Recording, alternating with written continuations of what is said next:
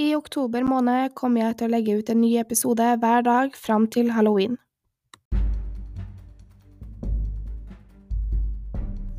Dette er en podkast om ekte drap og kriminalsaker.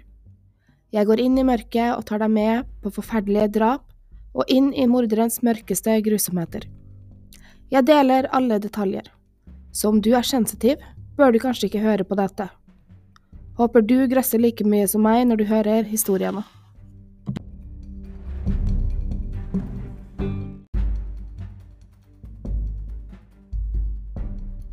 Tretten år gamle Thurston Bailey ble meldt savnet av familien sin på morsdagen.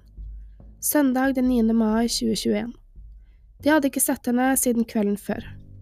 Det ble gjort en massiv leteaksjon etter henne. Hun og familien bodde i Florida. Hun ble beskrevet som en venn alle ville ha. Hun forsvarte de som ikke kunne forsvare seg selv. Hun var utrolig morsom, hun var omsorgsfull, og hun elsket cheerleading. Søndag klokka seks på kvelden ble hun funnet. 13 år gamle Thurstin ble funnet i et skogsområde, ikke langt ifra hjemmet sitt. Hun ble funnet drept på brutalt vis. Thurstin hadde blitt knivstukket 114 ganger. 49 av knivstokkene hadde vært forsvarssår, mot armene hennes, hånden hennes og hodet hennes.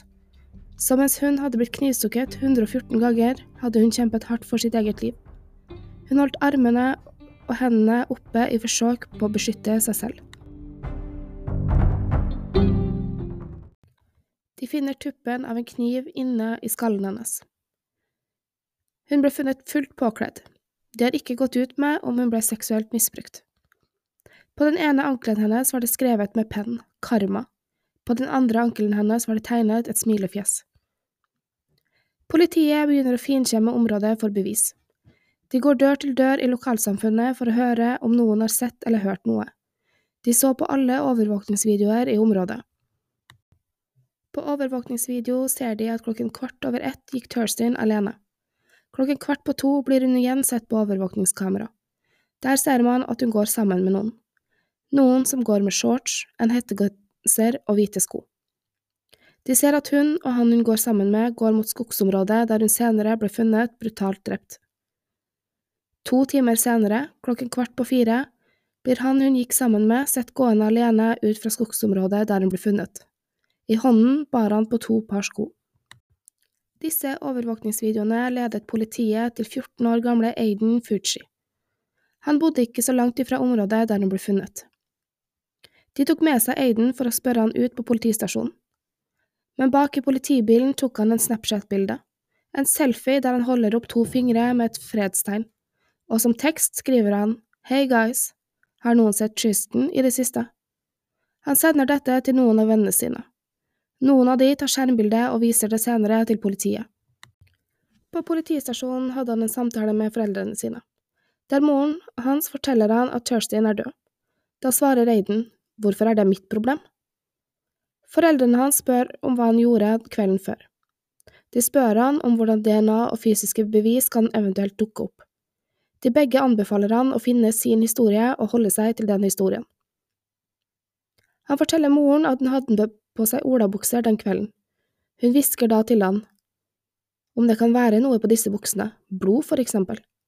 Hun sier så litt høyere at hun tror han hadde på seg noen andre typer bukser, og ikke olabukser, og ber han bekrefte dette, noe han gjør. Aiden og Kirstin gikk på samme skole. Han gikk i klassen over henne. Venner forteller at de to var venner, men ingenting mer enn det. Aiden forteller politiet at de begge hadde vært hos en felles venn denne kvelden. Men når de gikk hjem fra hjemmet til vennen, begynte de å krangle. Han skubbet henne da i bakken, og hun slo hodet sitt. Dette var en av de mange historiene Aiden fortalte politiet om hva som skjedde med 13 år gamle Thurstin. I dammen ved siden av der hun ble funnet, brukte de lang tid på å finkjemme. Her fant de en kniv. Tuppen på denne kniven hadde blitt brukket av. Det var denne kniven som ble brukt til å drepe Thurstin. To venner av Aiden sier at denne kniven er identisk med en kniv han brukte å gå rundt med. Aiden blir nå siktet for drap og overført til ungdomsfengsel. I hjemmet til Aiden finner de hettegenseren og skoene han brukte dagen Thurston ble drept. Både genseren og skoene hadde blod på seg. Dette blodet tilhørte Thurston. De fant også på rommet hans flere tegninger av kvinner, med røde ekser over seg, spesielt på brystene og underlivet. Han hadde tegnet at kroppsdeler hadde blitt kuttet av og at blodet sprutet ut av dem. Aidens DNA ble også funnet på kroppen til Kirsten, men de har ikke gått ut med hvor det ble funnet eller hvordan DNA det var.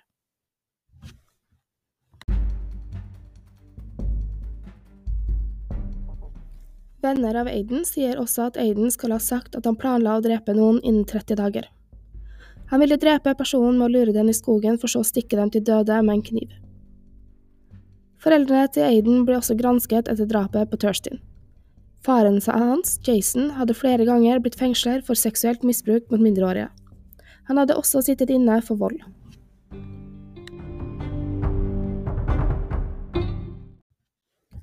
Lokalsamfunnet samler underskrifter og forlanger at Aiden blir siktet som en voksen, og i mai 2021 ble det bestemt at Aiden skal dømmes som en voksen. De sier at de har bestemt seg for dette på grunn av brutaliteten i drapet. De følte at de hadde ikke noe annet valg enn å dømme han som voksen, også fordi han hadde fortalt venner at han hadde tenkt å knivstikke noen til døde innen 30 dager. Aiden nekter straffskyld, og nekter for å ha drept Thurston. Moren til Øyden ble også arrestert den 14. juni 2021. Hun ble beskyldt for å prøve å gjemme bevis. Dagen etter Thurston ble funnet og Aiden ble tatt inn til avhør, gikk hun på rommet hans og tok buksene han hadde brukt i drapet. Hun vasket dem i baderomsvasken og gjemte dem på sitt eget rom. På disse buksene ble det også funnet blod etter Thurston. Den 1. september var han via video med på et rettsmøte.